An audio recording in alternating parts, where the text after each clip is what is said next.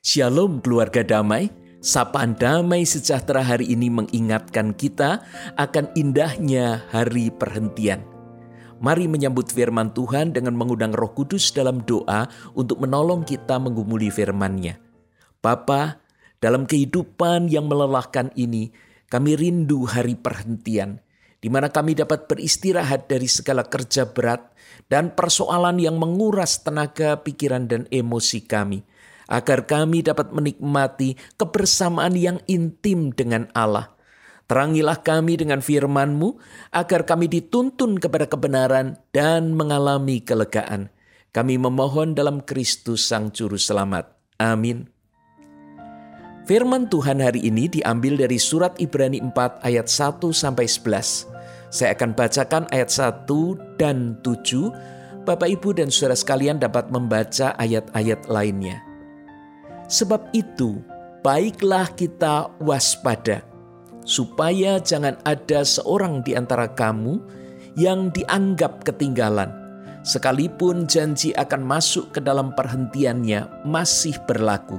Ayat 7 Sebab itu ia menetapkan pula suatu hari, yaitu hari ini, ketika ia setelah sekian lama berfirman dengan perantaraan Daud, seperti dikatakan di atas, pada hari ini jika kamu mendengar suaranya, janganlah keraskan hatimu.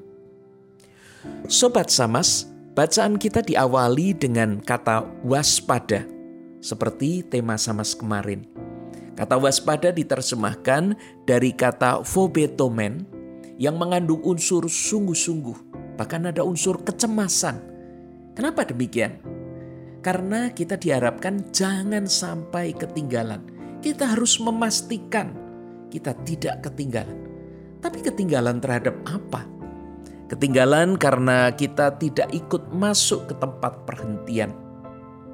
Bapak, ibu, dan saudara yang dikasih Tuhan, ada dua hal penting kalau kita bicara tentang tempat perhentian. Yang pertama, dengan siapa kita akan menuju sana? Kalau itu adalah orang yang kita cintai, maka kita akan senang dan bersemangat. Dan yang kedua adalah apakah memang kita tahu tempat perhentian itu seperti apa? Kalau kita memahaminya dan itu memang sesuatu yang indah, maka akan membuat kita dengan penuh motivasi ingin segera menuju ke sana. Memang bagian firman ini berbicara tentang hari perhentian. Ada tiga hal terkait dengan hari perhentian, yaitu yang pertama adalah hari ketujuh saat penciptaan alam semesta. Yang kedua, hari di mana bangsa Israel memasuki tanah Kanaan. Yang ketiga, hari di mana kita memasuki hidup kekal bersama Kristus. Muara ketiganya ada pada kebersamaan dengan Allah. Perhentian bukan menunjukkan jeda, tapi penyelesaian dari sebuah pekerjaan. Kita akan melihat bagian yang pertama, hari perhentian yang pertama, yaitu hari ketujuh saat penciptaan alam semesta. Kejadian 2 ayat 2 sampai 3 mencatat, ketika Allah pada hari ketujuh telah menyelesaikan pekerjaan yang dibuatnya itu, berhentilah ia pada hari ketujuh dari segala pekerjaan yang telah dibuatnya itu dan menguduskannya. Pada hari perhentian ini kita diundang untuk bersekutu dengannya dan jika manusia memahami dan menguduskan hari perhentian ini, maka manusia akan memahami karya Allah. Bagaimana Allah menciptakan alam semesta ini, menciptakan dirinya, dan Allah mengajak supaya manusia itu boleh mengelola alam semesta ini sehingga semuanya ini bisa dipandang dengan penuh sukacita dan dilakukan dengan sukacita pula. Sehingga kehidupan di dunia ini akan dijalani dalam relasi bersama Allah, baik dalam berkarya maupun membina hubungan dengan sesama. Semua itu didasari dengan relasi kita dengan Allah. Ketika relasi dengan Allah ini terputus, persekutuan dalam hari perhentian atau hari Sabat itu terkoyak maka karya bersama Allah pun juga akan terkoyak. Jika manusia tidak lagi hidup dan berkarya untuk Allah, maka eksistensinya sebagai makhluk ciptaan tidak lagi berfungsi untuk kemuliaan Sang Pencipta. Dia hanya hidup untuk dirinya sendiri, dan itu berarti tidak sesuai dengan rencana penciptaan Allah.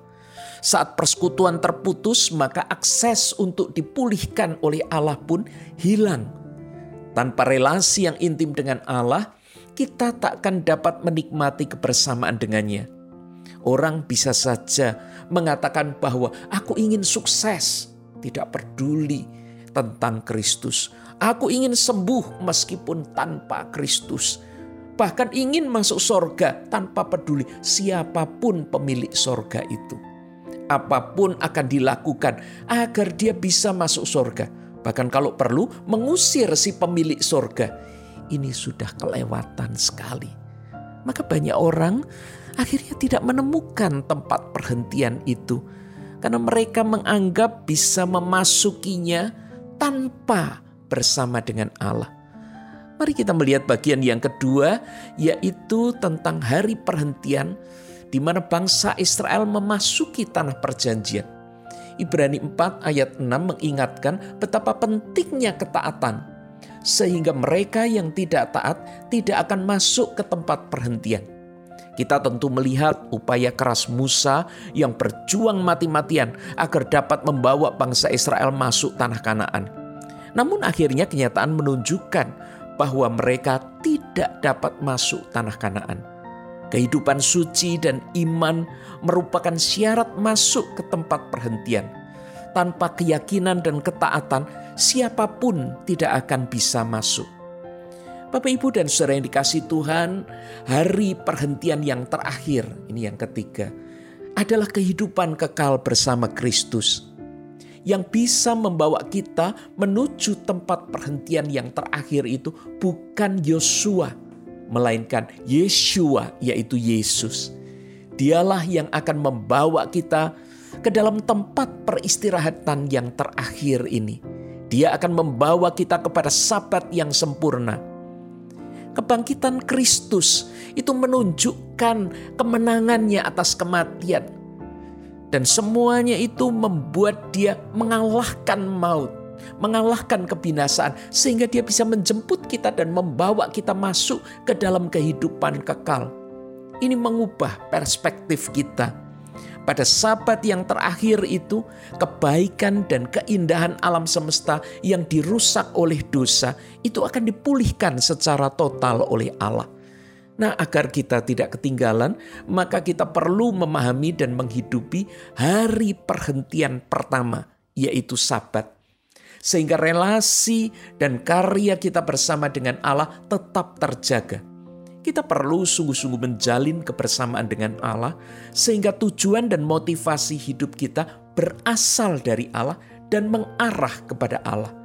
Kebersamaan dengan Allah yang kita bina sekarang ini akan membuat kita senantiasa rindu akan perhentian kekal bersama-sama Allah Kebersamaan ini membuat kita menerima dengan kelembutan hati tiap peringatan dan pengajaran Allah.